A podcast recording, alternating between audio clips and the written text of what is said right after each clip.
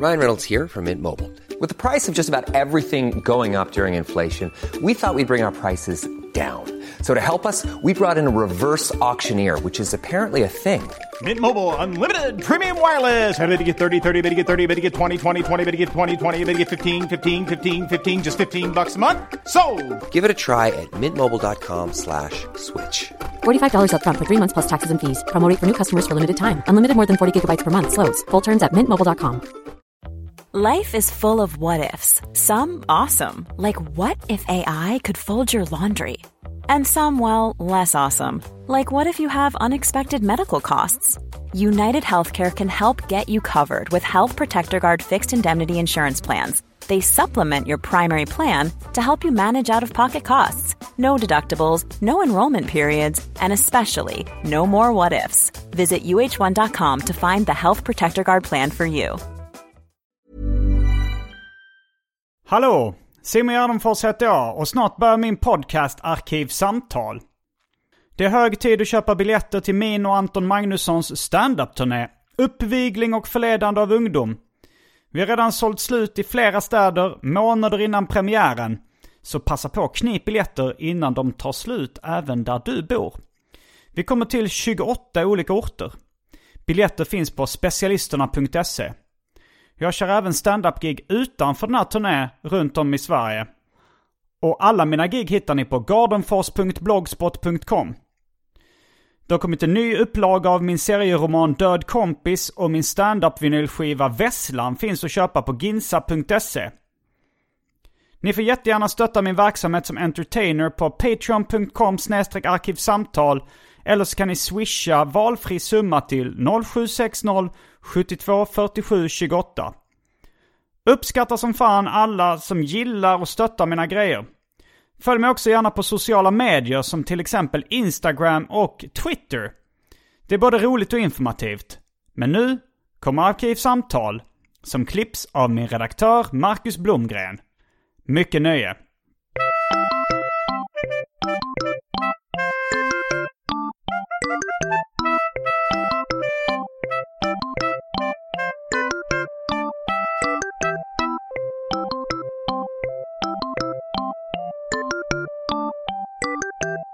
Hej och välkomna till Arkivsamtal.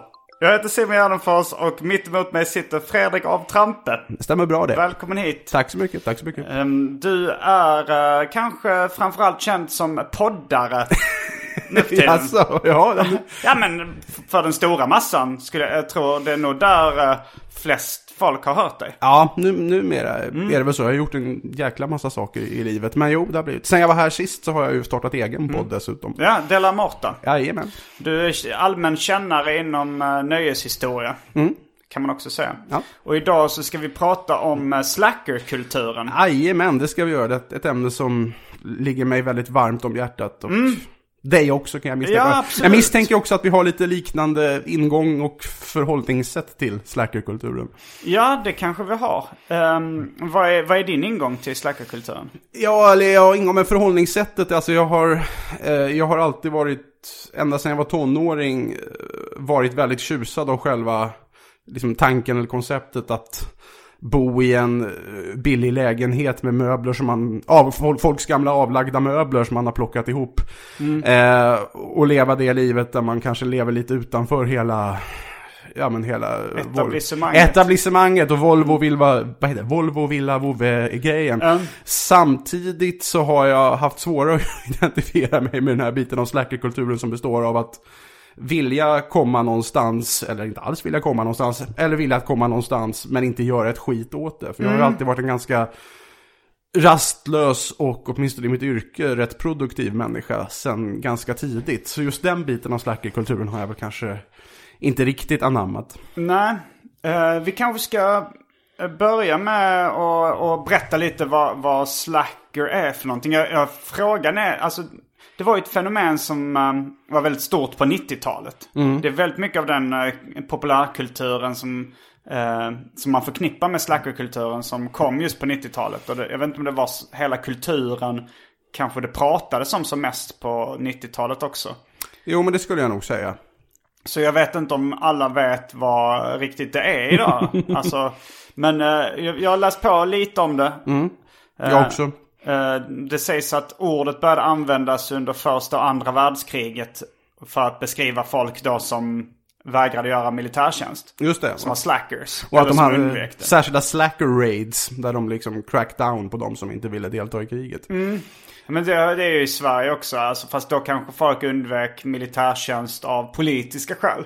Men eh, Nej, det var inte, man riskerade inte att bli av med huvudet på samma sätt i Sverige kanske. jag Nej. fuskar mig till uh, utbildningsreserv eh, av ren slapphet. Men vänta, när är du född? Du är född... 78. Så då mönstrade du 96 då eller? Det är möjligt ja. Ja, men de, då hade det väl ändå blivit ganska lätt att komma undan. Ja det var, det var väldigt lätt. Men, men man var ändå, alltså ifall man inte fuskade så, Mm. var, så blev man placerad på någonting. Men det var, alltså du behövde bara, du behövde bara göra väldigt dåligt ifrån dig. så Mm, just blev det. utbildningsreserv. Ja, för det var mycket svårare bara några år tidigare. Vet jag. Alltså, folk Mm. som är födda 71, 72, 73 kan ju verkligen snacka om den ångesten som det på riktigt var att Mm. försöka komma loss. Och när är du född? Jag är född eh, 84, så jag mönstrade 2002. Och jag blev faktiskt erbjuden att slippa på ett ganska tidigt stadium. Mm. Eftersom jag dels är gravt plattfot och eh, då som nu lite överviktig. Eh, Och då sa, jag- läkarundersökningen var något av det första jag gjorde på Mm. mönstringen. Och läkaren sa att om du vill så tar det här slut nu. Ja, du kan ja. liksom få, jag kan bara säga att du slipper.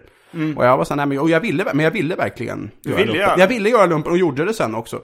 Det Eh, känns inte speciellt slacker. Nej, nej men du ser, nej men jag har ju det där. Det där är liksom eh, conflicting traits i mig. Eh, nej men jag, hade, jag ville testa, det var att jag ville testa någonting helt annorlunda. Jag visste att jag liksom eh, mer var en, en, en man av ett oerhört intellekt. Nej men att jag, hade, jag, var liksom, jag var ju mer av en tänkare och en grubblare och en konstnärstyp. Och då tänkte jag, men nu ska jag göra någonting riktigt jäkla handfast för att se hur, hur det är. Så jag var kock i armén i tio månader. Det, jag var, det var inte de bästa tio månaderna i mitt liv. Jag var inte den, jag var inte den bästa kokgruppchef som ar, armén har skådat. Men det, det gick bra och det var jäkligt, alltså det var intressant så att man fick eh, det var nyttigt att man gnuggades mot människor som man annars aldrig skulle ha träffat. Och det har jag haft användning av sen. Ja, det, det är ju...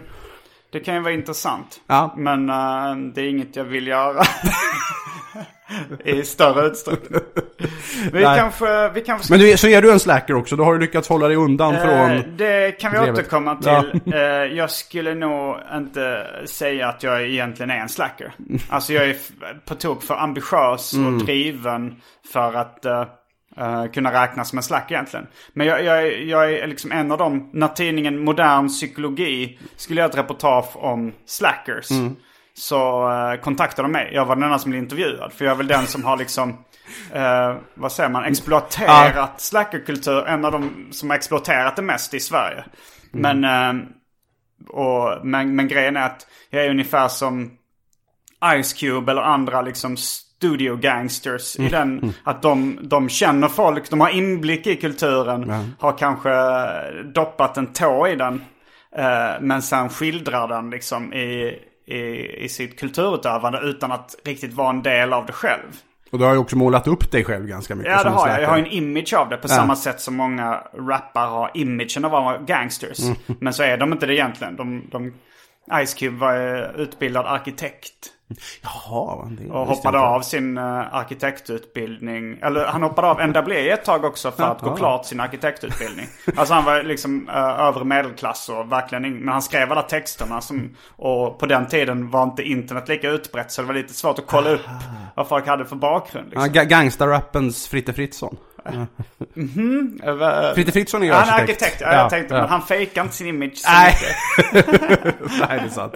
Nej, men, men, eh, men, han, men han har väl lite inblick i liksom i den kulturen. Liksom, han kände, det var många liksom gangsterrappare som är så här, som, som säger yeah I know the game. Liksom. De känner till kulturen men kanske inte riktigt lever i den själv. Så är jag med, med slackerkulturen. I know the game. Men jag lever inte så riktigt själv. Men har- Men som du beskriver det så bor jag ju i en, eh, en liten lägenhet med möbler som är hittat eller fått. Och jag, eh, ja, jag är inte en jättestor del av det vanliga etablissemanget. Jag har inget liksom, jag har inte villa, vovve, Volvo, fast jobb liksom eller något sånt där. Nej men det, det, det där lät ju nästan som att det där kunde jag ha sagt. Åtminstone fram tills, fram tills nyss när jag blev Mm. sambo. Men eh, nu har det blivit dags för det omåttligt populära inslaget Välj drycken. Ja!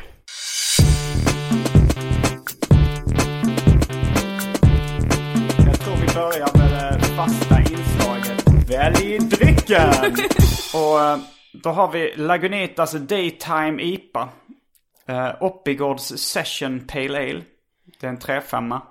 Malibu Gin Sherry. Oppigårds Golden Ale. Fanta Zero. Stigbergets Flamingo Juice.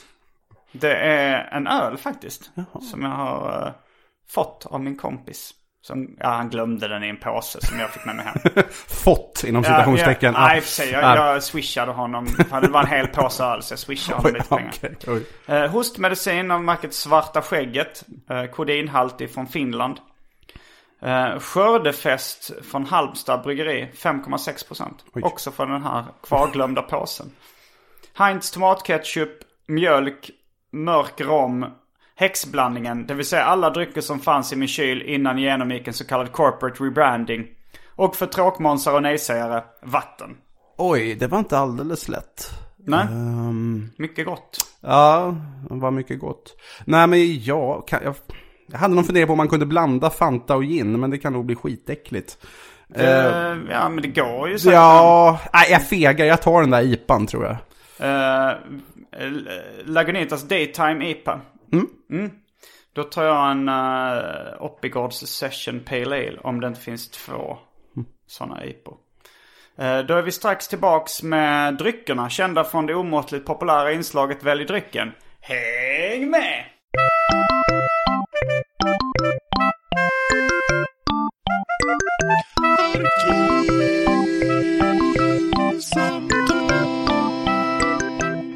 Då är vi tillbaks med dryckerna kända från det omåttligt populära inslaget Välj drycken.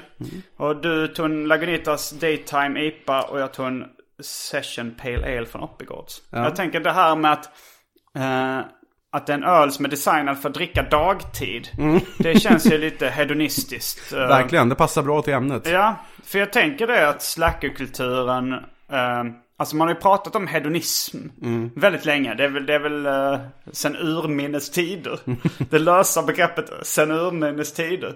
Men, men hedonism och epikurism har också, alltså den gamla filosofen Epikuros. Ja. Som, eh, som liksom kanske är lite en föregångare inom uh, slackerkulturen. Fast ep- epikurismen är väl mer att man ska njuta mycket men man ska njuta måttligt. Är det man, så? Jag- Ja, jag man ska ta lite koll. av allting. Man ska sippa på den här Ja. Lagunitas Daytime. Och, allting, och allting annat. Man ska, men man ska bara sippa. Men eh, ja, jag tänker att slackerkulturen handlar inte jättemycket att bara frossa i njutning alltid. Det är ju snarare att undvika obekväma situationer så mycket som möjligt. Undvika ansvar. Ja, jo, det är väldigt det. mycket.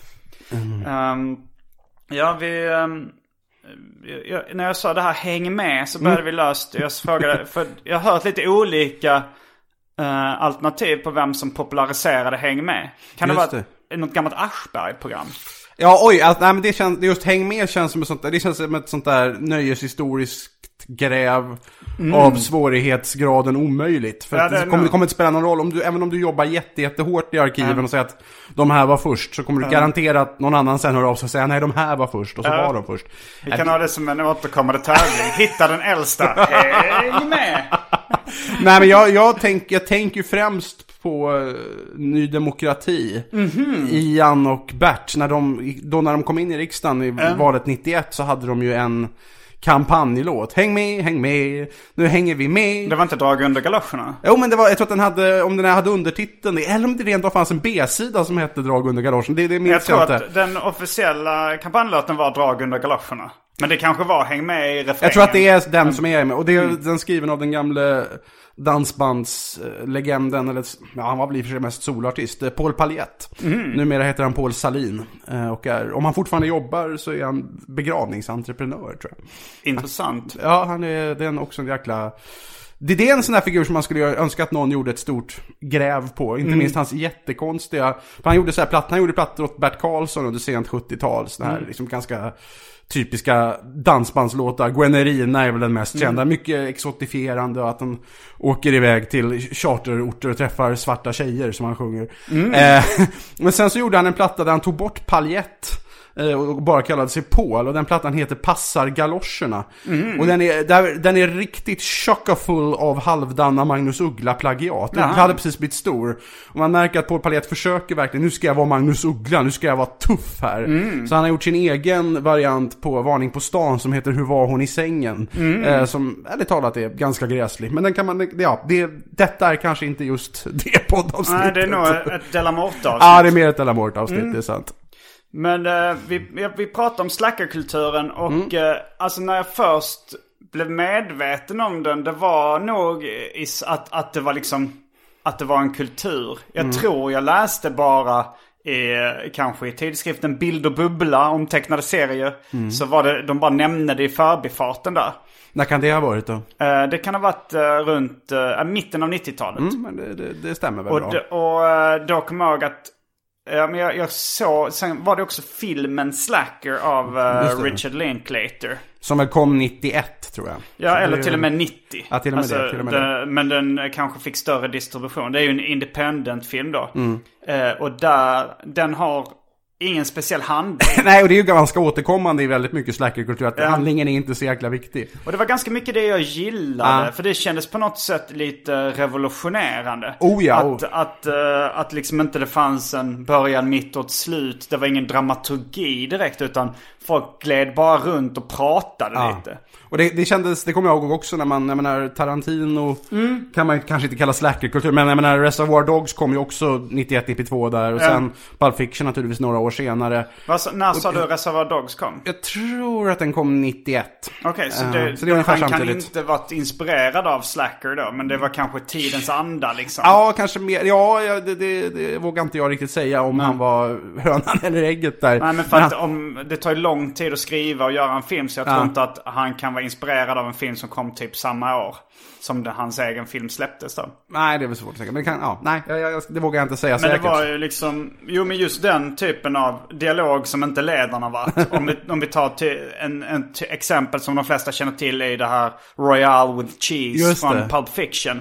Att det är liksom en film som, den, den har ju en handling, Pulp Fiction. Oh ja. Men de, de slänger Intrikat in, dessutom. de slänger in den typen av vad man skulle kunna kalla slacker-dialog. Mm. Att de sitter och pratar om hamburgare som inte för handlingen framåt alls. eh, i, ganska länge. Minns när jag såg den första gången så tyckte man, precis som figurerna i filmen, att det här med att de hade majonnäs på pommes frites i Frankrike eller vad Mm. det var så lät så fruktansvärt äckligt. För det var något som inte fanns i Sverige på den tiden. Mm. Nu när jag äter pommes frites, de ganska få gånger jag gör det, så vill jag ju, jag vill ju inte äta pommes frites utan majonnäs. det Nej, är ja. jättegott. Fattar inte alls varför de framställde det så. Ja, alltså chili Köpte man då? tycker jag är väldigt gott till. Ja. Nej men just den typen av dialog kändes ju väldigt ny då. Mm. Det är det som idag liksom genomsyrar större delen av poddosfären och så Ja, vidare. jo det gör det ju. Fast det har försvunnit rätt mycket från film. Ja, Inte ens Tarantino har så mycket Nej. sån dialog i sin film. Alltså jag, han tappade den stilen lite i och med Jackie Brown skulle Just jag säga. det. Är inte alls lika mycket. Jag blev besviken, för jag gillade det med Tarantino. eh, så, jag, så jag blev besviken det. Men hans... Det hade varit svårt att ta det längre kanske också efter Pulp Kanske. Fiction. Fast jag, samtidigt så var det så att ehm, en eh, man som heter Kevin Smith. Mm. Som, vi, som han är rätt mycket förlagan till den här podden. Alltså från början, när jag började med Arkivsamtal så lyssnade jag väldigt mycket på Kevin Smiths Smodcast. Just det. Han har Men- gjort tusen andra sen dess också. Ja, han har gjort tusentals poddar. Men han, eh, han var ju inspirerad av både Tarantino och Richard Linklater. Och tog eh, lite den typen av dialog ett steg längre skulle jag Ja. säga. Alltså hans debutfilm Clerks. Det handlade om, eh, om slappa eh, unga vuxna som i en så här eh, convenience store. Alltså en... Ja, vad, vad säger man i Sverige? Finns det ett samlingsnamn? Ja, men som Pressbyrån Ja, eller Press, 7-Eleven eller och sånt där. Ja. en Och en videobutik jobbar Ja, den andra i också. Eh, och, och de är, det är, det är ganska tydlig slackerkultur i dem och liksom den typen av dialog vi pratar nu som inte för handlingen framåt. I den mån det finns någon handling överhuvudtaget att prata om i Clerks. Det är svårt att säga, det är inte mycket. Nej, det är inte mycket till handling, men det finns ju hela tiden den här underliggande ångesttonen under allt det roliga. För den här huvudpersonen Dante som jobbar på... Mm. Ja, den har ju en liten struktur efter den gudomliga komedin, Dantes den gudomliga komedin. Det är ganska löst, men, men, den, men den finns med och det är därför huvudpersonen Mm, det har heter Dante. på. Jo, nej men så är det ju. Det är lite att, det är väl alla de här delarna, jag kommer inte ihåg vad de heter, men det är Purgatorio och så vidare. Mm. Att det liksom trappas upp och blir värre och så det blir ett klimax där mot slutet. Det finns en sån, en sån tanke. Ja. Men det är ju Dante, han jobbar den här... Fast det blev inte så mycket klimax mot slutet. alltså för de klippte bort. Jag har sett en film Ja, som just handlar det. Om uh, den som heter The Snowball, Snowball Effect. just det. Där eh, i början var det ju att han, att han blev skjuten i slutet. Ja.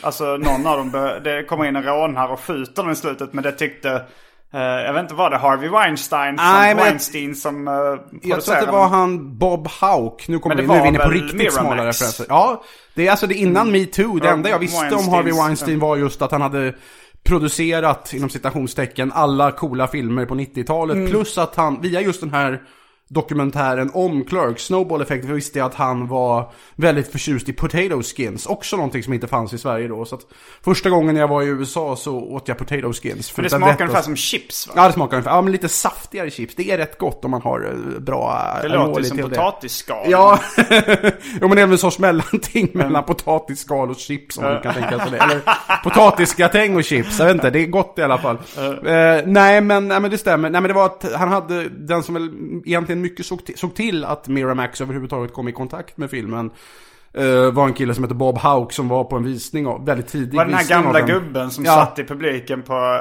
eh, när han var nästa, det var kanske tre pers i publiken. Ja, och de tänkte, och Kevin Smith tänkte att jaha, nu har jag liksom maxat mina kreditkort och fått ut flera hundratusen för att göra den här filmen och den kommer aldrig komma längre än den här visningen, fan också. Men att Bob Hauk sa till Kevin Smith att det här är en fantastisk film, men du tar ju livet av Dante i slutet bara för att du inte vet hur du ska avsluta filmen. Det är faktiskt inget, den kan mycket väl sluta med att som den nu gör, att Ra- Randall bara säger 'you're closed' och går Ja, därifrån. de stänger, och så stänger och så är det inte värre Ja, så. man bryr sig inte så mycket.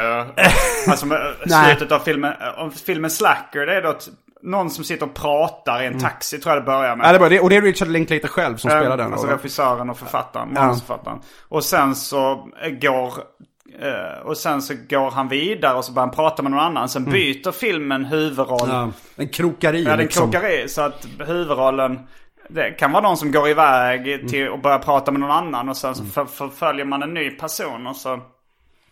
Och det tyckte jag, det var ju kul. eh, grepp. Ja, verkligen. Men, men den är en långfilm och den är lite seg skulle jag Den ändå är säga. lite sen, men det är också en liten del av charmen. Mm. Alltså, jag tror till och med att ja, när den blev stor, eller när folk började prata om den, så var det någon av dess champions, motsvarande den här Bob Hauk då med Clerks, Mm. som sa det. Jag tycker att den här filmen är fantastisk. Jag har redan sett den fyra gånger och jag somnade tre av de fyra gångerna.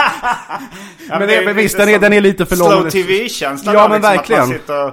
Eh, och kollar på någon som målar om ett hus på. YouTube i tio timmar så sover man lite. Men det är också lite en jag del av charmen. Det finns ju någon sån här oerhört vacker scen tycker jag där några träffas som inte har träffats på jättelänge och, och hon är sådär, ja jag har varit inne på sjukhus och sådär och man förstår att hon mår absolut inte bra men det blir liksom inte övertydligt och han Nej. är lite såhär, ja ja, nej men vi håller på med bandet här, vi ska ha en spelning på fredag, om du vill så kan jag sätta dig på gästlistan man förstår att det här är inget framgångsrikt band. Det här är inget band som kommer gå särskilt långt. Men det är, och det, det är väldigt subtilt berättas det med ganska små, små bokstäver. Och, det, och det, är ju, det känns väldigt Jag för mig det är den vackert. filmen också. De säger så här. eh, alltså det är någon som säger så här. "Ah, jag ska repa mitt band om fem timmar så jag drar nu. Ja, ja, ja. Men eh, Nej men i Clerks så finns det väldigt mycket att Dante har hoppat av skolan och nu jobbar han på en convenience store och vet inte riktigt vart han ska ta vägen. Nej. Och hans tjej är på honom om att du borde börja plugga igen. Och han och den, hans kompis Randall då håller på med sina wisecracks och den här fantastiskt roliga dialogen. Men i slutet av filmen så blir den här Randall också lite sådär att men okej vi tycker att vi är så jävla, att vi liksom har löst gåtan. Att vi liksom är så fucking advanced. Well if we're so fucking advanced then why are we working here? Ungefär. Eh, och det, det, det hade ju fortfarande varit en jättebra film även, och en väldigt rolig film om det inte hade funnits. Men det hade inte funkat riktigt lika bra om man inte hade haft den där undertonen av Nej, det- desperation. Alltså undertonen av desperation och ångest och så här är ju ett intressant... eh, en int- intressant aspekt i stackarkulturen. För det är väl kanske det också som gjorde att jag inte lever så fullt ut. För jag märkte efter ett tag att det är lätt att fastna i depressioner. Ja, ja, Om man nu liksom... För jag tror... eh, Nej men när man har tydliga, om man, tydliga mål och sådär och är ganska målmedveten och driven. Det, det, det hänger rätt tätt samman med livslust. Ja, absolut. Eh, och och jag, jag hade väl liksom, har haft många kompisar som mer har liksom fastnat i riktig slacker, slackerliv liksom. Och de mår ju sämre. De gör, men de får ingenting gjort eller vad, Nej, vad gör jag- de? Ja, så lite som möjligt. Alltså kanske så här, uh, går upp på morgonen, uh, kokar en kopp kaffe, uh, lyssnar lite på radio. Kanske sen går ut och köper en påse ostbågar och ett kexchoklad. Som de käkar framför någon sån eftermiddags-tv. Och sen uh, kanske öppnar en folköl framåt kvällen. Det kanske kommer förbi någon kompis. Man, de, of, ofta har ju folk någon form av kreativt projekt liksom. Sitter kanske och gör lite musik som aldrig blir klar. Nej, så framförallt alltså, det så här, Ja, det är väldigt mycket grejer. Eller ja, men någon, kan- någon kanske har en författarambition och tänker lite på sin eh, roman liksom. Eller, jag behöver bara tänka på en annan person som också har lite av den slacker image men som inte, absolut inte är det. Den Johan Wanlo, som ju får både dig och mig att framstå som sjukt lata. Mm. Han har ju någon så här tidig serie som går ut på att han vaknar klockan två på eftermiddagen, Mm. tittar ut genom fönstret, det är mörkt, han sätter sig framför tvn och äter ren pepparkaksdeg. somnar om lite, tittar ut genom fönstret igen, sitter och kliar sig på magen, ringer en polare och säger Mm. jaha, hur mår du då? Hur går det på jobbet? Okej, ungarna mår bra. Ja, vad schysst. Du, kan du inte säga det där igen om hur mycket du avundas mig i min fria, njutningsfulla konstnärstillvaro så är du hygglig. Han kanske hade det lite mer så på den tiden också i och för sig. Men, uh, nej, men jag var, för jag, jag har alltid liksom romantiserat det livet och liksom haft kanske lite för, har lite svårt att förstå efter ett tag också hur, hur farligt det kan vara. Alltså så här, för att folk, att det kan vara lätt. Jag vet inte, det är ju lite hönan och ägget också. Att det är så här, är du djupt deprimerad så kanske du får ett slackerliv.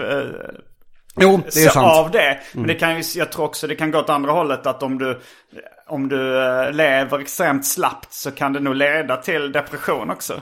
Jo, men det, men det tror jag. Det jag har ju haft lite samma. Ja, men jag hade ju redan från när jag var så här 19-20 så var ju min värsta skräck att antingen bli gammal eller dö relativt ung och inte ha fått gjort allt det där som jag ville få gjort. och det tog nog liksom överhanden. Sen var det ju mer att, men man kan säga att det hänger ihop på ett annat sätt. Att det där slackerlivet, att bo i en billig, omodern lägenhet där jag var tvungen att sova med sockor på mig om vintern och sådär. Som jag gjorde på den tiden.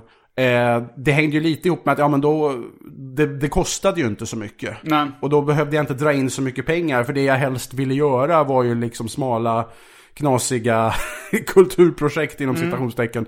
Eh, som, som inte gav så mycket pengar. Det möjliggjorde ju liksom den grejen. Ja. Jag var inte så intresserad av att resa någonstans på, på semestern i den mån jag hade någon semester. Utan då ville jag ju hellre ha mer tid att fördjupa mig i de där projekten som jag ville göra som inte gav en spänn. Som bara var liksom lustprojekt va. Jo, för det, det är ju, alltså alla gör ju alltid någonting. Alltså det är så här, men det är väl om, jag läste också, eh, kanske på Wikipedia om så här, eh, just att eh, slack-kulturen dominerades av en brist på att ta tag i saker. Ja. Men jag vet att även Richard Linklater själv sa väl någonting eh, sådär att han det är liksom den, den enklaste definitionen, eller den liksom billigaste definitionen är just en person som bara är lat och inte gör ett skit. Men att han gärna skulle vilja ändra det till att någonting som gör, till en person som kanske inte gör vad som förväntas av samhället eller de närstående. Alltså som någon som försöker att leva ett intressant liv och försöker komma på vad de ska göra. Och det kanske Ja. tar sin lilla tid men den, so be it. Man kan ju se, men Kevin Smith ännu mer egentligen i Mallrats, den här figuren Brody som Jason Lee spelar. Är väl liksom, han är ju verkligen den eh, klichébilden av en slacker som är arbetslös, bor hemma hos sina föräldrar, spe, bara spelar Sega, hänger på The Mall och inte har några som helst ambitioner överhuvudtaget. Eh, bara vill prata liksom serier och populärkultur med alla han känner och inte göra så mycket annat. Gå runt där med sin eh, vad är det, frigolitmugg i tre dagar. Dricka, samma, dricka cola ur samma frigolitmugg tre dagar i sträck. Tydligen baserat på någon av Kevin Smiths kompisar. Ja, det kan jag tänka mig. Ja, ja. Men det, det är in- intressant också huruvida det är en klassfråga, uh, slackerkulturen. För det, alltså man, man förknippar det rätt mycket med någon slags medelklass. Alltså för att om, om, om jag läste uh, Brett Easton Ellis böcker. Han var, var, var rätt tidig med Eh, med liksom, han var innan, vi ska ju komma in på till exempel eh, böcker som Tredje stenen från solen och Per Hagmans böcker och kanske även liksom Ulf Lundells böcker som var lite före de jag nyss nämnde. Men, men uh, Bret Easton Ellis i USA, ja han kanske inte var före Lundell men, men när, han, när han i 20-årsåldern skrev då liksom Noll att förlora och Lustans lagar. Ja. Då, då är de så mycket ur ett så här, överklassperspektiv. Alltså Ja. så att det är svårt att, att veta om det är en slacker eller bara en, en så här, eh, ja men i och för sig överklass. Jag, jag tror på något sätt att det inte har så mycket eh, med klass att göra. För det är så här, folk som är jätte, jätterika, de kan ju antingen bli sådana ambitiösa businessmän. Ja. Eller bara dekadenta slackers liksom. Och folk- Pengafrågan är redan löst. Så det Ja, var, och ja. folk som är kanske medelklass kan ju bo hemma hos sina föräldrar, inte vara så rika men, men, eh, men gå runt och göra ingenting. Men sen finns det ju de som är arbetarklass eller underklass också. Mm. Som, men då, då, man räknar inte en uteliggare som en slacker. liksom. men då är det om man inte ens har, om man inte kan bo hos sina föräldrar eller liksom kommer från totalt utslagna förhållanden. Mm. Men, men det är ändå så här, om jag läser gam, jag läste serietecknaren Seth. Ja. Han, han har gjort en bok eh, där han intervjuar sin pappa. eh, Som heter Bannock Beans and Black Tea. Jag tror Bannock är någon slags bröd. Men, eh, men då berätt, då, hans farfar då, hans pappa. Han var liksom eh, en så här, han bara satt och tittade ut genom fönstret hela dagen. Oj. Då är det liksom, ja men eh, deprimerad förmodligen. men också, det blev ju någon form av slackerliv. Men de var ju urfattiga då. Det var han, han, han var liksom så här, bokstavligen klädd i en potatissäck i skolan. Alltså hans farsa då för att de inte hade råd med riktiga kläder. Så det var så här, bo i ett ruckel och gå klädd i säck. Och pappan, han var, han liksom, han var ju så sur på sin farsa för att han inte tog tag i saker. Ah. Utan att han bara satt och kollade ut genom fönstret vem som kom på vägen och sånt. Det här var nog innan tvns tid till och med. Han hade väl förmodligen suttit framför någon dagsåpa eller liksom Ah. någon talkshow. Eh, annars. Jo, nej men det, dels som du säger, det, det kan nog mycket vara en klassfråga men också en, en eh, tidsfråga. Alltså vilken tid vi pratar om. För Mm. just Tredje stenen från solen, Claes Holmströms debutroman då. Från Kom 19... 1994. Just det. Och den har väl nämnts i alla avsnitt av Arkivsamtal. Inte Ja. riktigt alla, men många. Eh, och jag, jag tog fram den, jag läste den för ett tag, några år sedan, men nu tog jag fram den här och, och bläddrade i den i, lite Mm. igen. Den handlar ju då om ett inbitet lågliv som heter Jimmy Hjort som, Mm. som bor i Stockholm och som har någon ambition att bli artist. Men, Ja, men mu- det- musikartister. Eller, Ja. ja. ja, jo lite. Han skickar ju in kanske någon demokassett till Ja. MTV. Eller Men det är typ 300 sidor in i boken Ja. får han till slut iväg sin demokassett och det blir ingen särskilt mycket respons på den. Utan den, den liksom följer ju ganska monotont och medvetet monotont hur han då försöker liksom bara få pengar för att liksom kunna gå till McDonalds och äta och han säljer skivor och säljer kläder och sådär. Och man ska väl liksom, jag tror nog att det fanns en tanke att man skulle kanske bli chockad av hedonismen då 1994. Men när jag lä- bläddrar i den nu så blir man ju mer så här. Den är mer talande som tidsdokument. Att Jimmy Hjort kunde bo i liksom Stockholms innerstad i en lägenhet som kostar 1200 spänn i månaden. Men det var ju hans farsa som hade fixat åt honom. Ja. Det får man reda på i början. Alltså så här, hans pappa fixade. Så det det kan ju vara till och med att farsan har köpt en bostadsrätt åt honom. Det Det, nämns ju inte vilken hyresform Nej, det det, det, säger, det gör det visserligen inte. Men, ja, men jag har alltid utgått från att det är en hyresrätt som han då ska liksom, ändå, men ändå liksom betala 1200. Jag har ju kompisar som, ja men födda ungefär runt sk- skiftet 60-70 som berättar när de, de flyttade hemifrån där i början av 90-talet. Deras första lägenheter i Stockholm var så en etta på Kungsholmen för 800 spänn i månaden. Och hur de han kände sån jävla ångest när beskedet kom att nu höjer de hyran till 1100 spänn. Ja. Och att han kan gå på McDonalds. Det är, väldigt mycket i boken att han ska gå till socialen för att få loss pengar. Eller säljer någonting för att få loss pengar och sen går direkt till McDonalds. Och vid något tillfälle så ska han liksom svulla och ta in en, en Big Mac, en Chicken McNuggets, en milkshake, en Sunday, en paj. Och bara, det kostade lite mer än 100 kronor. Ja. Bara, Idag, skulle, vad får du för 100 kronor? Du skulle kanske... Ja, du skulle få den där Big Mac, Big Mac-menyn och sen Chicken McNuggets. Sen skulle det vara stopp. Ja, det har liksom. inte, det har inte, jag tycker just det priset på McDonalds-mat är väl det som har förändrats minst. Ja, men det, jag, alltså ja, jag vet inte. Ja, har det, inte verkligen det? Alltså så här, en Big Mac och Company är inte jättemycket dyrare idag än det var 94.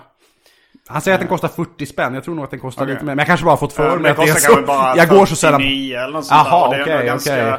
Och det är ändå ganska, eller det kanske kostar 59 nu, men, men det är ändå så pass länge sedan så bara ren inflation så har det Ja, liksom, men, nej, men alltså generellt att han kan liksom upp, få massa bidrag Mm. och sådär. Det, och det här säger inte jag för att låta som någon jävla stöd inget legalisera allt liberal, för det är verkligen inte alls meningen. Men att, att det ändå liksom gick att få, det går, jag vet inte hur det är idag riktigt, men vem Mm. får bidrag idag? Leva det livet på det Ja, sättet. Det är att frågan om det går. Men alltså just den boken, eh, den läste jag i gymnasiet. Mm. Det kanske var 95-96 jag läste den, något år efter den kom. Mm. Men den förändrade verkligen mitt liv. Det kanske är den boken som liksom påverkat mig mest. På vilket Jag- sätt då? Men jag tyckte att det var så coolt, det livet han levde liksom. Och jag tänkte, jag vill leva det livet själv. så liksom min plan efter gymnasiet, det var, jag ska också gå på socialbidrag och, och gå runt liksom och slappa hela dagarna och göra... Alltså jag, jag, jag hade väl samma som honom då, att jag hade ju, liksom ville ju teckna serier. Alltså han, vill- han ville göra musik, jag ville teckna serier. Men... Eh, så det var liksom min plan. Jag började kolla upp så här, ja men hur gör man för att få socialbidrag? Man måste skriva in sig på Arbetsförmedlingen och man kan göra det här och det här. Och, och ja, men jag, jag, jag ville verkligen leva det livet. Alltså så det, det, det förändrade mig i grundvalarna på något sätt. A lot can happen in the next three years. Like a chatbot maybe your new best friend. But what won't change? Needing health insurance. United Healthcare Tri Term Medical Plans are available for these changing times. Underwritten by Golden Rule Insurance Company, they offer budget friendly, flexible coverage for people who are in between jobs or missed open enrollment. The plans last nearly three years in some states, with access to a nationwide network of doctors and hospitals. So, for whatever tomorrow brings, United Healthcare Tri Term Medical Plans may be for you. Learn more at uh1.com. Many of us have those stubborn pounds that seem impossible to lose, no matter how good we eat or how hard we work out. My solution is PlushCare. PlushCare is a leading telehealth provider with doctors who are there for you day and night to partner with you in your weight loss journey. They can prescribe FDA-approved weight loss medications like Wagovi and Zepbound for those who qualify. Plus, they accept most insurance plans. To get started, visit plushcare.com slash weight loss. That's plushcare.com slash weight loss.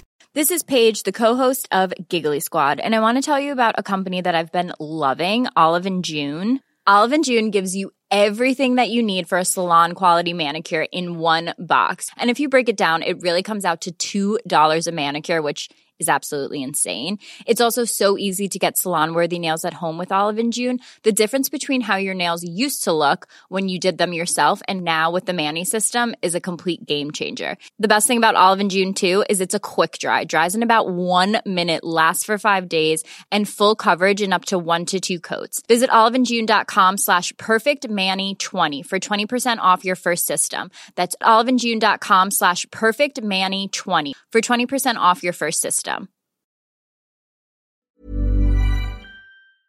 Både du och jag kommer väl från ganska välordnade förhållanden. Ja. Då, kan, ju- då kan ju det bli, en liksom, för mig var det väl också lite en sån... Vi har väl, för, det är lite kul med oss att vi har båda framgångsrika akademikerpappor som heter Peter. Bara en sån sak. Nej men för mig var det också, jag kommer ju från en liksom, jag vet, gediget borgerlig bakgrund. För mig, när jag, viktigaste för mig var nog den engelska kultfilmen With Nail and I som jag såg när jag var kanske 16-17. Och eh, det är då en, en eh, film som handlar om två stycken arbetslösa skådisar som bor i Mm. Camden Town i London i slutet av 60-talet. Eh, oerhört rolig film. Eller den kräver nog att man är väldigt fascinerad av det, det brittiska språket och av brittisk kultur för att man ska tycka att den är kul. Men jag tycker den är fantastisk. Eh, och de, ja, de bodde ju verkligen i en nergången lägenhet med så här gamla så här fem kronors fem kronors antikviteter köpt i någon loppbutik och så här nedgångna gamla soffor som de låg och, låg och trynade på eller låg och läste böcker och hade ångest på. Och för mig som liksom kom Skulle du säga en... det var en slacker? Det är, ja det är det ju nu. Det, det, man skulle inte, jag tror inte att någon har satt en stämpel på det, men det är det ju. Eh, den- kom lite för tidigt för det bara och beskriver en, en annan tid. När kom den sa du? Den kom 87, tror Och jag. beskriver tiden. 69, Okej. utspelar hösten 69. Eh, så att den fick väl inte den stämpeln, men den har mycket av det. Eh, och för mig som då liksom kom från en men, vä- välordnad borgerlig familj så blev det här liksom, ja det här vill jag göra. Det här liksom, Jo. ska bli min, min revolt mot det här att bo i, jag vill, jag vill ha det där. Men som du säger, ganska snart blir man ju, så börjar ju också den här, både kreativiteten men också ångesten över att inte få något gjort. Ja. Den har varit oerhört drivande i, i, det, i det jag har hållit på med. Jo. Ganska tidigt. Den kom ju väldigt snabbt liksom att krocka med det där. Jo men det var just det att om man kommer från, alltså i den här Strädelsen från solen. Jag får ändå intrycket av att, ehm, att Jimmy Hjort eh, är också liksom från en ganska välbärgad Ja, medelklass. det skulle jag också tro. Men att, och att hans pappa och storebrorsa och sådär liksom eh, verkar vara hyfsat välordnade liksom. Och att, Mm. Men det var, det var ju just det också som man kunde, man kunde ju göra sin egen revolt då. ge- Eller revolt och revolt. Det var mer så här att ja, jag vet inte om jag vill göra så här. eh, gå på universitetet och skaffa en utbildning och, och sen börja jobba liksom. Utan det- jag tyckte det här livet lät mer lockande. Och då behöver man liksom inte ha sina föräldrars godkännande för att ju, ju mindre pengar de ger en desto mer blir, var ju då, jag vet inte om det är samma sak, men då var ju staten skyldig att försörja en liksom. men det är, de, det är nog. de väl knappt idag, det är väl det Jag också. tror de är det fortfarande. det? Alltså om någon har fyllt 18, Ja. Om du har fyllt 18 då är inte dina föräldrar försörjningsskyldig. Mm. Om du då går till SOS och säger, jag har inget, om du går till SOS och säger, jag har inget jobb, mina föräldrar ger mig inga pengar, jag får inte bo kvar hemma, jag har fyllt 18. Eh, och då säger de nu, gå till Arbetsförmedlingen, försök Mm. få ett jobb. Och ifall du inte får det, hör av dig till oss igen. De har, de har ju rätt, alltså du, du, om du inte kan försörja dig så har ju fortfarande socialen en skyldighet att, att ge dig existensminimum. Så kanske det är. Man får ju ändå bilden av att det var lättare förr på det, Det sättet. kanske det var, det var inte jättelätt på min tid heller. Nej men, nej men, nej, men att, jag menar, ta Jag bara... fick ett nej först. De Jaså? sa, eh, men... eh, Alltså de sa, "Ja, men du borde, du, du får flytta hem till dina föräldrar igen. Så sa jag, att, ja men det får jag inte göra. Nej men, bara, nej men bara en sån sak som att, jag- så här liten detalj jag tänkte på att Jimmy Hjorts, alla Mm. Jimmy Hjorts kompisar bor ju innanför tullarna. Kan ju vara att de också har välbärgade föräldrar, jag vet inte. Men det känns sådär, jag menar, när, bara 10-12 år senare när jag började plugga, det kändes, jag hade ju inte en kompis innanför tullarna. Jag var ju undantaget, det var ingen som hade råd med det längre. Väl, alltså jag skulle, Claes Holmström, han gick i samma klass som två av medlemmarna i just det. samma gymnasieklass. Och de är väl Jaha. nästan överklass. Jo det får man nog säga. Så eh, jag tror han hade väldigt välbärgade föräldrar. Och, och därav att de kan fixa lägenheter innanför tullarna åt sina barn ganska lätt. Även, det är även kontakter och sånt vad det gäller uh, hyreskontrakt. Alltså så här, det är nog lättare om du kommer från en, Jo så är det såklart. en eh, familj med hög status. Det är kanske mer tydligt för en sån, om man tittar på en sån bok som Ulf Lundells Jack, som Mm. jag i och för sig inte har läst, ska sägas i sin helhet. Jag har försökt, men jag lyckades faktiskt Nej, inte nej, riktigt. nej, jag tyckte den var ganska lättläst. Ja, jag, jag, jag, är ju ett, jag är ju en gitarrkille, så jag är ju, är ju ett fan av, inte allt som Lundell har gjort, men jag tycker han har gjort mycket som är bra. Men hans, den enda av hans böcker, jag har försökt med flera stycken, den enda som jag har kommit igenom är, är Sömnen, som var hans andra bok. Jaha. Men där, där är, det var väl också att han... Är det den med vita viskningen? Just det, och eh, Tommy Kost, Vita Viskningen är alltså Hans Ulf. Lundells Fender Telecaster som är vit och som kallas för den vita viskningen tydligen för att Ulf Lundell spelar ju så jävla kraftigt så att de brukade, ljudteknikern brukade dra ner så att volymen live så att det inte hördes vad det lät. Det är därför som den kallas för vita viskningen. Jag tror att det är den gamla studioräven Lasse Welander som myntat Jag har uttrycket. för mig att, eh, eller det, eh, Jocke Boberg då som har varit gäst i den här podden och som du kanske känner lite Mm. Oh ja, grann också. oh Eh, men han, han berättar om den boken att, eh, att eh, Ulf Lundell då han åker upp till Norrland eller någonting men så känner han så här, han längtar tillbaks till den vita viskningen. Ja men just det, med det. han åker till Åre i början av boken. Nej men för den har ju också det där, alltså, för den heter ju Sömnen och det, det, det som det avser, den titeln är ju då att det som han tycker att hans generation har glidit in i efter upproret. Som vi höll på med i slutet av 60-talet. Vi höll på med ett viktigt uppror. Men nu har det, nu sover hela upproret och vi har blivit vanliga igen. Det är ju, man vill ju gråta. Och det, hans tjej i den där, det tror jag är i, i filmversionen kanske, jag vet inte om hon säger det i boken, men... Av sömnen finns Ja, det finns en filmversion med Mats det. finns ju Ronander. en av Jack också. Ja, det gör det. Det är, väl, det är väl de, ingen av dem är väl egentligen jättelämpad för film, jag tycker resultaten är helt okej.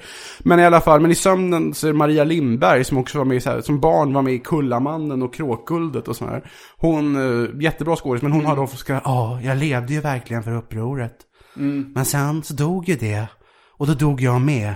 Jag klarar inte av likgiltigheten. Och, och det där är, jag förstår att de på ett sätt kände så, liksom att de kom från en fantastiskt trygg liksom folkhem Sverige Mm. där allting var så ombonat och så bara, jag förstår att de ville rebellera, men idag när det inte ser ut så där längre så vill man ju bara antingen skratta eller vissa jag känner blir ju rasande när de när de ser, ser, läser det där eller hör det där. Men menar, jag ser på de 90-talister som jag umgås med idag, de har ju inte de ambitionerna alls. De vill ju liksom utbilda sig och gifta sig före 25. Mm. typ. Det ser ut på ett annat, de har ju typ inte det, det skyddsnätet av social trygghet på samma sätt som fanns då och som väl, ja, till viss mån fanns fortfarande i början av 00-talet när jag var i sena tonåren. Det finns ju vissa, alltså Ulf Lundells böcker om jag tänker framförallt på Jack. Mm. Det, just, just den här liksom, att han brinner för upproret och sånt. Det gör ju att det känns mindre slacker-kadat. Ja, men vad är hans jävla uppror? Det är att röka brass och dricka Ja. öl. Det är, Just liksom... stoner-kulturen är också starkt sammanflätat med, eh, med slacker-kulturen kan man säga. Alltså Mm. det brukar ju förekomma eh, Mariana och sådär i, i olika slacker-sammanhang. Det är ju Mm. väldigt... Eh, men, men nu för tiden är det nog liksom stoner-humor. Pratar man om till exempel Simon Hanselman som är en serietecknare vi hade ett avsnitt om. Där är, de är ju slackers. De hänger hemma och röker eh, vattenbång och liksom... Eh, och, gör, och väldigt mycket, väldigt tydligt slacker. Han är ju i min ålder också men, men det känns ändå som en mer, eh, en yngre, en yngre generation som är skildrad på något sätt. Alltså den här cloud rap eh, generationen där man liksom mer omfamnar den psykiska ohälsan och lite romantiserar den på något sätt. Som, har, som har skett mer idag. Eh, alltså i... Alltså det har ju till och med letats in i så här hiphopkultur med så här emo-rap och, och sånt där. Där, där, liksom, där, där det är mycket droger men också liksom att man pratar. Det är nästan lite coolt att uh, vara eh, deprimerad och självmordsbenägen.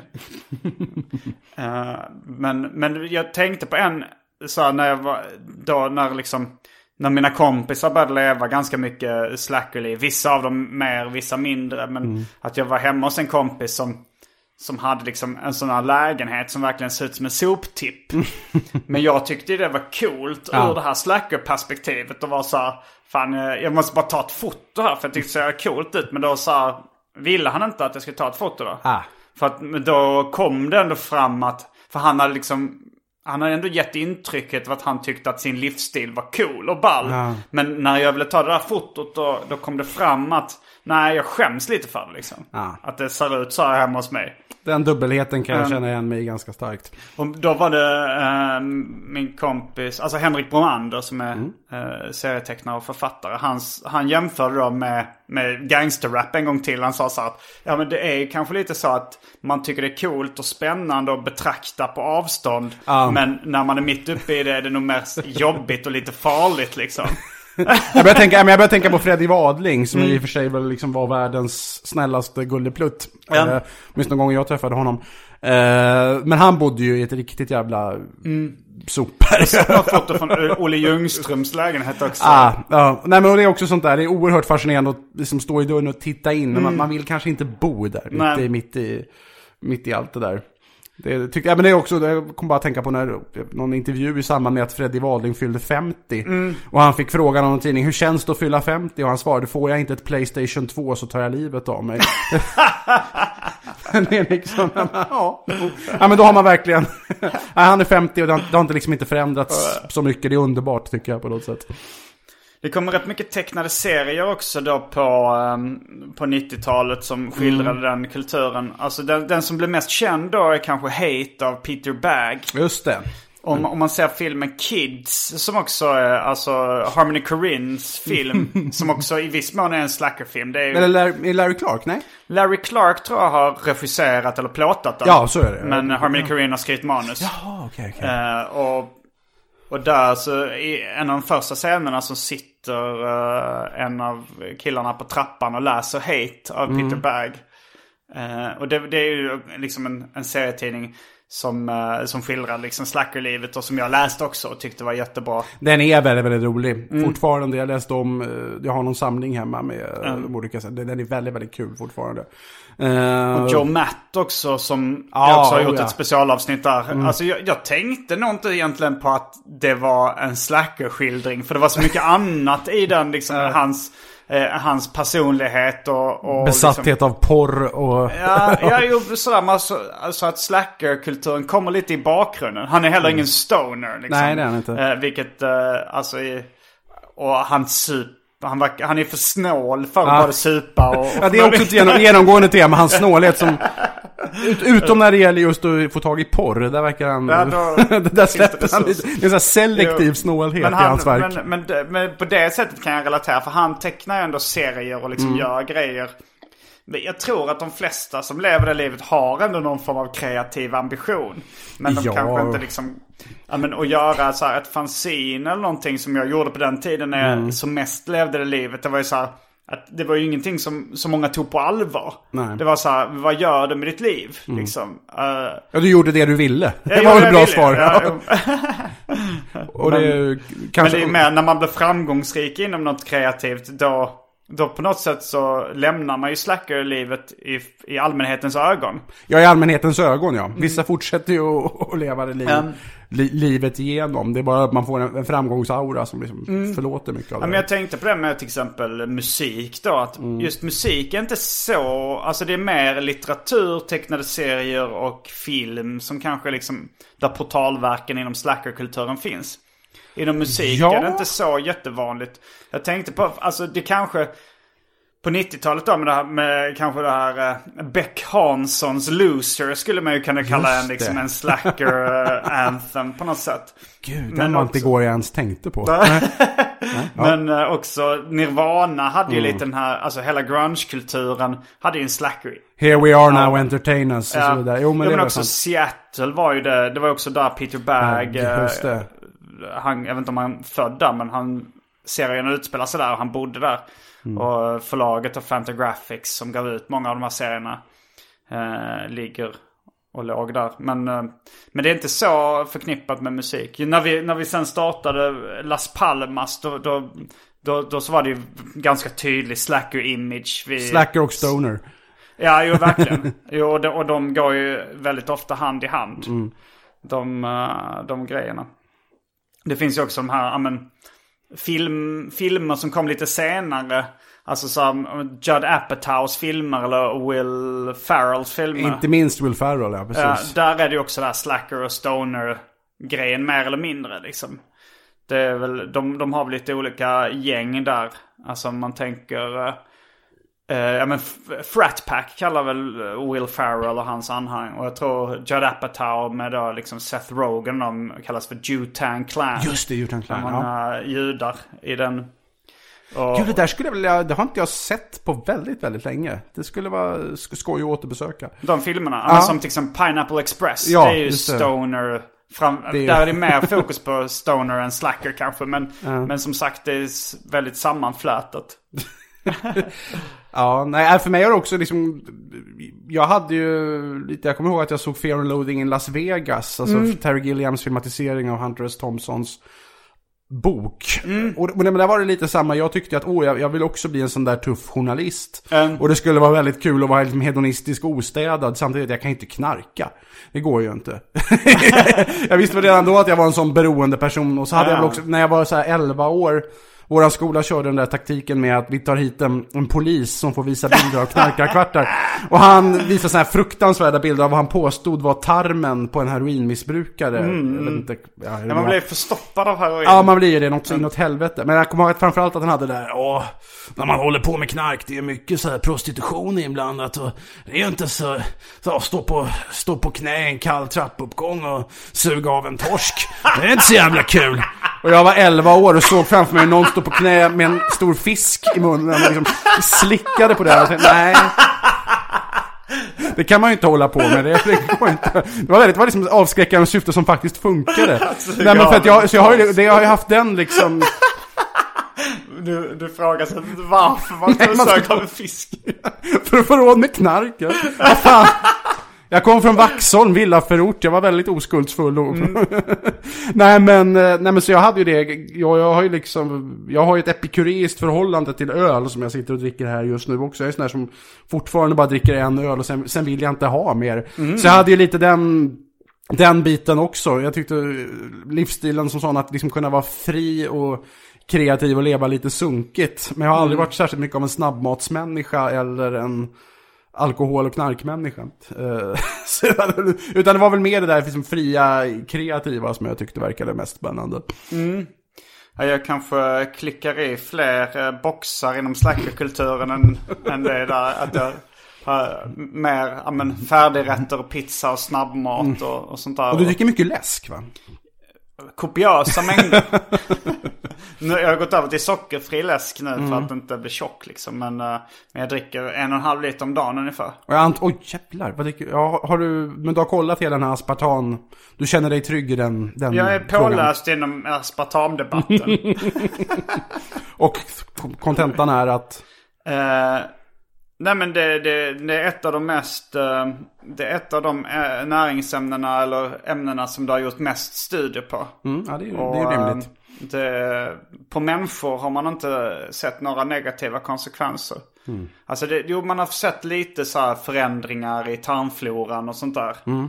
Och, och, men, det, men det verkar inte vara någon större fara. Alltså jag, eh, enligt Socialstyrelsen så kan du dricka tre liter, liter aspartamsötad dryck om dagen utan någon hälsorisk. För vad skönt om man för en gångs skull, och annars när man säger enligt Socialstyrelsen så vill man ju bara avsluta med ett fuck you! Men här, här i sådana fall så är det ju det är ju jättebra för, din, för din del. Ja, ja, det är fantastiskt. Eh, har du läst ja, men Per Hagmans böcker? Ja, lite gra- eller cigarett eh, läste jag på den tiden när jag var Den kom skulle det. innan Tredje scenen från solen. Det gör den och Claes Holmström eh, var ju noga med att påpeka att han blev väldigt inspirerad Ja. av den. Men den är också mer, alltså Claes Holmströms stil generellt är ju ganska mycket utbroderande. Ja, alltså Claes Holmström tycker jag är kanske dubbelt så bra som, Ja, men det- som eh, Per Hagman. Men även om jag gillar Per Hagman, framförallt hans bok Pool. Just det, som kom efter där. Ja, som är den andra boken. Eller ja, är. där, eh, där är då huvudrollen ihop med, eller typ, vad, vad säger man? Inte, inte sugar daddy, men sugar son. Kan man väl säga att han, sugar, han har en Mm. Ja, sugar ja, just det. liksom. Som är då en, en före detta skådespelerska som bor på franska rivieran. Och han är med henne som toyboy med liksom. Och eh, ligger med henne ibland och får bo liksom på, vid en pool då Mm. i något fint område. Så är han runt och spelar flipper och hänger och gör inte någonting. Det är liksom en typ av slacker-roman men att det är en ganska konstig miljö. Det är inte det här liksom, det, det man förknippar mest är ju det här liksom Stockholms... Ah. Det kom en bok som heter Lång fin blond också. Just det, var- av Claes Karlsson som jag tycker är jättehärlig. Det är en sån bok som jag har läst flera gånger. Den- är också, den är, och den är också lite mer slacker i medelåldern. Och har Är en, han lite äldre eller? Ja, ja det, är, alltså, det är jättekul med just Claes Karlsson för han är alltså född 54 tror jag. Och han, han var, är väl, han har gjort ganska mycket saker. Jag, tror att han försörjer sig mest som taxichaffis nu för tiden. Men han var, är alltså musiker. Han spelade sax och orgel med Eldkvarn under deras mest new waveiga år på 80-talet. Och har även spelat med Ebba Grön och eh, Wilmer X tror jag, en massa sådana där. Eh, och jobbat som översättare. Och i hans fall var det att han skrev någon text till någon antologi. Och Norstedts tyckte att oj, det här är jättebra, kan du inte skriva en bok åt oss? Mm. Drömläge. Och då skrev han den här Lång fin blond, som, och då var han väl 45 tror jag när han gjorde den. Så att, För jag, jag, jag trodde att han var, ja men, eh, ja men i alla fall mellan 20 och 30 när han skrev nej, absolut inte. Utan, och, det, men, och den, är lite, den har lite den där, lite som James Bond-filmen där On Her Majesty's Secret Service där George Lazenby spelar James Bond, att det blev bara den. Claes Karlsson har inte gjort någon mer bok Nej. sen dess, vilket ger det lite extra glans. Men den är faktiskt fruktansvärt rolig, Mm. tycker jag. Det är också en sån där, ja men det är lite stoner, det är han och hans två stoner-polare som tar lite olika droger och det är inte mycket till handling. Men den har en sån jäkla språklig vitalitet och såna jättekonstiga utflykter i sitt huvud så liksom, ja, långa bitar där han liksom sitter och fantiserar ihop en typ, en handling i en Jane Austen-roman. Att han ska göra en tv-serie som utspelar sig i sena 1700-talets England. Och så är det liksom att han skojar med de klyschorna. Men det är ju något av det roligaste i tredje scenen från solen och Mm. eh, kanske med lite i Claes Holmströms andra böcker också. När, när, men när de fantiserar ihop. Alltså de har ju ambitioner, liksom rollkaraktärerna. De, vill, de ska ju göra filmer till exempel. Ja. Det är nog hans kompis Palle tror jag. Just det, som ska göra, har massa avancerade filmplaner. Ja, som han vill ska slå i, i, eh, i uh, Ja, han är, det finns, Sydostasien. ja men det finns ju någon sån här där han är helt övertygad om att han, han, han, ja, men det är den här amerikanska skådisen ska spela huvudrollen.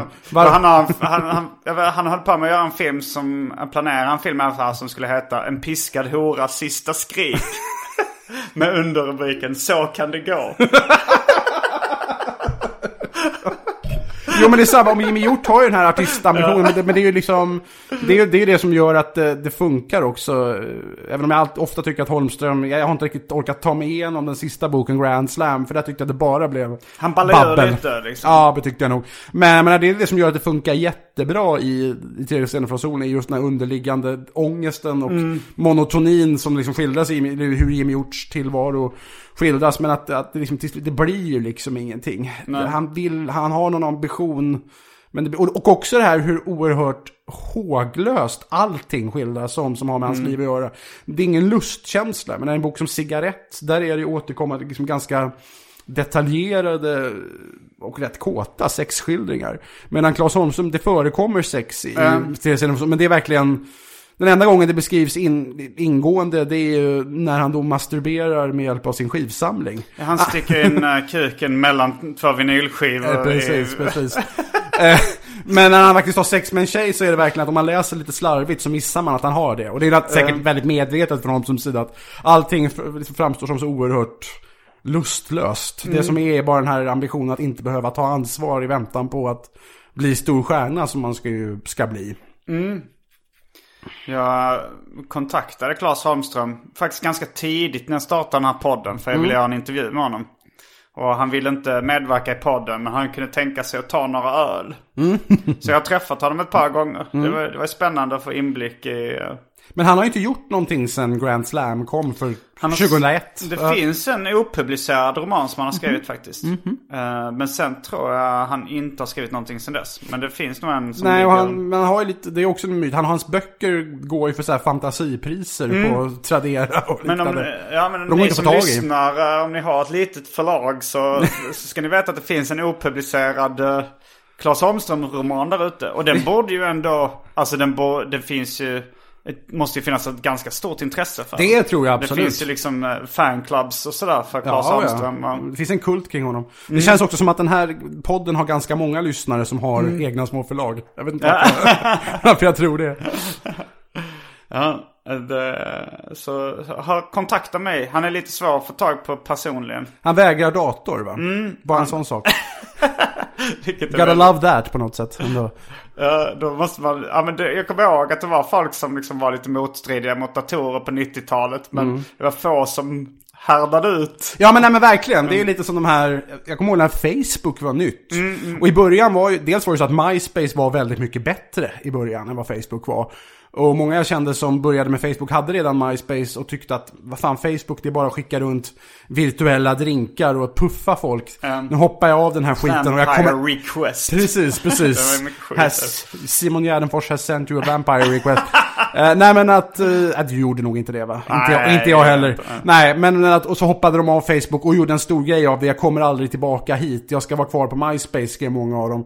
Och till slut så kom de ju tillbaka till Facebook med någon riktigt så dålig ursäkt, typen men jag måste kommunicera med mina kollegor, alltså måste jag finnas på Facebook. Och sen har de ju liksom blivit kvar. Men det finns ju några få, några riktiga jävla zen-munkar som, som faktiskt testa, antingen inte har varit på Facebook alls, eller som faktiskt testade och sa nej, absolut inte, och har, inte har kommit tillbaka. De är inte så många, men de finns. Men, men i, idag så skulle nog liksom, eh, alltså folk som är slackers, de måste ju domineras väldigt mycket av sociala medier. För det är ju det, det är ofta det när man, när man är som latast så är det ju det man bara sitter och gör. Alltså sitter Ja. och uppdaterar olika sociala medier. På samma sätt som Jimmy Hjort satt och kollade på MTV och Filmnet. Just det, Ja. TV, alltså sociala medier är ju liksom vår tids TV. Det som krävs minst ansträngning. Nu, nu sitter ju många framför TVn, om de kollar på TV, då sitter man med mobilen i ena handen och kollar lite Instagram och sådär. Men, men jag funderar på det, för det kom också en bok som heter eh, Generation X. Just det. Av Douglas Coupland. Eh, Skämmigt nog har jag inte läst den. jag läste den eh, på 90-talet. eh, tyckte den, alltså då hade jag ju läst så mycket annan litteratur i den genren så jag tyckte att den var den, alltså jag skulle nog säga ändå att även, ja men Claes Holmströms Trädescenen för solen är det bästa verket inom slackerkulturen. alla kategorier. Det får mig vara osökt att tänka på att på Wikipedia så står det om Claes Holmström. Mm. Någonting om att Tredje stenen från solen och att kapitlet videohelg anses oöverträffat inom svensk slackerlitteratur. Källa behövs. Källa behövs. ja, verkligen. Det vet inte fan vem som egentligen anser det. Ja, men just Eh, den, vi- det, har ju inspirerat mig också. Jag har haft många sådana videohelger där de går och köper tårtbottnar och gör Mm. Så. fan. ja, det är alltså ett kapitel i stenen från solen där Jimmy Hjort och hans polare, om det, om det är Palle rent av, att de hyr hem en väldig massa filmer från en videobutik och kör, vad är det väl, varmkorv med hamburgerdressing och sådär. Det är verkligen eh, toppen av sunkberget. Ja, och de hyr så här tio filmer som de ska Ja. säga eller någonting. Ja, men, och det, det gjorde jag ju långt innan jag ens hade, hade läst eller hört talas om Claes. Det gjorde jag när jag var tonåring. Så här, man, Mm. man hyrde hem, eller tog med sig mycket av sina... eh, Folk tog med sina nya fräschaste Region 1-DVDer som Mm. de hade köpt för dyra pengar. Och så köpte man stora lådor med ländiga kokosbollar. Jag tror Och det var. VHS-kassetter de hyrde i videohelg. Ja det är det, för den är. DVD kom ju först eh, några år senare. Mm. mot slutet av 90-talet blev det en grej. Men just eh, Generation X då, för att eh, det är ju lite förknippat, alltså slackerkulturen med just det som, alltså Generation X. Den, den generationen då som kom, ja men den ironiska generationen och det är också liksom den här, det är ju lite slacker-generationen. Jag kommer ihåg att Coca-Cola försökte marknadsföra en ny läsk som, het, eh, som då skulle vara riktad till generation X. Som skulle heta OK Soda. Eh, och det, ja, den släpptes också i vissa delstater jag och fanns ett tag. Eh, Collectors item idag. deras, eh, deras USP var då att den skulle... Den, den, skulle bara, den skulle inte liksom marknadsföras som god utan den skulle bara marknadsföras som helt okej. Det är ju genialt för fan. Det är, ja, men det är ju sån, den typen av marknadsföring som når en sån som mig. Jo, jo, jag vill ju- eller Och du är kanske, kanske liksom, kanske inte... Du, du är ju säkert mycket generation X-präglad även om Ja, du ja. kanske inte räknas rent siffermässigt. Nej absolut inte, X. men det, det, har ju, det är ju mycket den kulturen har ju präglat mig. Men, det- och det är, ju- det är ju sånt som skulle få en sån som annars inte går på sådana grejer och vilja köpa någonting. Om någonting marknadsförs som helt okej, då, då, då hade vill man ju ha det. Eh, eh, omslaget var också tecknat av eh, serieskaparen Daniel Klaus. Mm. Alltså eh, läskburken. Som är bara ett ansikte på en trött person med halvslutna ögonlock. Som ser rätt sunkig ut. Med sådana påsar under ögonen. Av någon anledning kom jag att tänka på, vad var det? Var, var det också någon, var något godisfirma här året som kom på att, som fick Tommy Nilsson att göra reklam för dem? Ja, Black. Just det, och de var ju skitsmarta. De gick ut med att Tommy Nilsson skulle bli, hans nya alias skulle bli Tommy Black. Lite hårdare, lite mörkare, något sånt där. Ja. Och det var ju medvetet för att få sådana som, som mig. Mm. Att bara dela, åh fy fan vad löjligt. Och så visade sig dagen därpå, jaha, det var, någon ny, det var något nytt godis det handlade om egentligen. Jävlar vad smart. Där fick de liksom hela ironiska generationen att göra gratis reklam åt dem och känna sig riktigt jävla blåsta efteråt. Fy fan. Är det någonting vi missat i det här samtalet om slackerkulturen? Nej, jag tycker att vi har fått med alla de, de verk som har varit mest centrala för mig. Sen är det, kan jag säga att den är kanske inte riktigt lika slacker, men Chasing Amy som Kevin Smith gjorde några år senare tycker jag kanske är det bästa han har gjort. Mm. Ja, det skulle jag också. Men det är också, för min del så handlar den om serietecknare. Ja, ja, ja, och de är på seriemässa och sånt där. Det är vä- väldigt, eh, den, right down my alley. Eller Ja. säger man up my alley? Eh, jag vet inte, men den, den tycker jag är väldigt fin. Den, den bör man absolut Mm. Jag eh, tror jag har nämnt på. eh, de mesta grejerna som står på min lilla lista också. Kanske inte... men Jim Jarmusch var ju lite samma generation. Oh, ja. Permanent Vacation är ju en, eh, en slackerfilm. Oh, ja. Som också är ganska tråkig. Den är skittråkig skulle jag säga. Den är, alltså, den är, den är inte... Slacker har en charmig tråkighet. Permanent Mm. Vacation är väldigt... Men däremot det han gjorde sen, Stranger than Paradise, framförallt Down by Law. Mm. Skulle jag säga. Och eh, den här taxifilmen Night on Earth. Det är ingenting som man kanske skulle stämpla som slackerfilmer, men det är det Ja. eh, ändå. De, båda de är ju otroligt fina. Jag har också antecknat, uh, ja men det är mer som en förlaga kanske inom den här litteraturen. Alltså Catcher in the Rye, Räddare i nej, men här, nöden, alltså skulle man... Salinger. Alltså egentligen St- Strindbergs Röda Rummet är väl egentligen en Ja, det slackerroman. väl det liksom... Alltså man kan ju gå Ja. väldigt långt tillbaks. Sen finns det också den här inom uh, med college och high school film. Om vi då tar, uh, ja men till exempel Animal House. Uh, Mm. Vad heter den nu på svenska? Delta-gänget. Just det. uh, som den, den tror jag kom sent 70-tal. Ja, det gjorde den. 78, 79 någon gång. 78 tror jag. Och där har ju då John Belushi något av en slacker-karaktär. Alltså de här collegefilmerna så finns det ofta den här liksom, det ska vara nörden, det ska vara plugghästen. Och så är det ofta slackern eller det här drägget liksom i allmänhet. Där, som, som är en sån. Också i då eh, Fast Time at uh, Richmond High. Häftigt drag i plugget. Just det, den eh, med där Sean Penn spelar liksom en tidig eh, stoner slash surfer. slacker, Ja. surfer. Ja men han har liksom han skapade lite en trend då med så här rutiga Vans-dojor som han, han slog sig i huvudet med när weedet kickade in och sådär. Ja, och sen också, den har vi väl, den har ju nämnts ganska ingående av K. Svensson i något tidigare avsnitt. Men Dumskallarnas sammansvärjning är väl också ett ganska Den har inte läst faktiskt. Nej, jag har ju tog, tagit igen det här nu i julhelgen. Är, det, är det läsvärd? den är absolut jätte, jätte läsvärd. Fortfarande oerhört liksom, rolig eh, Men den är ganska gammal, Den, jag tror att han skrev den 60, på, någon gång på tidigt 60-tal. Mm. Sen tog han livet av sig och den kom ju inte ut förrän 1980 efter att hans mamma Mm. hade tjatat in den hos någon, någon förläggare, John Campbell Toole. Mm. Men är det en Slacker-roman? Ja, jo det är det. Ignatius O'Reilly, eller eh, Ignatius G. Riley heter han väl som huvudperson. Det är liksom en groteskt överdriven bild av en slacker utan det minsta självinsikt i sin Mm. situation. Det är, han är jättefet och lat, bor hemma hos sin mamma, kan inte... När han har jobb så lyckas han hela tiden se till att bli sparkad från dem och så vidare. Mm. Den är otroligt rolig och eh, har ett fantastiskt uh, språksinne. Så den, den, den rekommenderar jag. Det var också sådär som att alla har utgått från att jag har läst den. Så det är så Mm, ja, oerhört men- skämmigt att jag inte hade gjort Det det. är många som har sa- sagt att jag också borde läsa den. Men nu har den hamnat på den, en åtråvärd plats på min att läsa-lista. Ja, men det... och mer än så... Grattis sammansvärd. Absolut. Mer än så behöver vi väl kanske inte säga. Nej. Jag vet inte. Det var allt från den här veckans avsnitt av Arkivsamtal. Jag heter Simon Gärdenfors. Jag heter Fredrik av Trampe. Fullbordat samtal. Snoochie Boochies.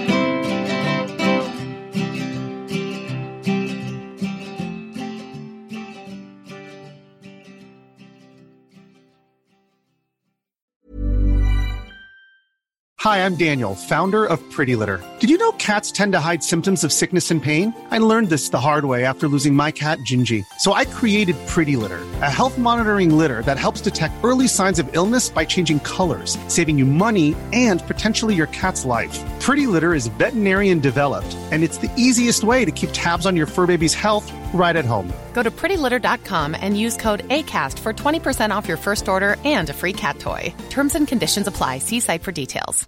Hey, it's Paige DeSorbo from Giggly Squad. High quality fashion without the price tag. Say hello to Quince.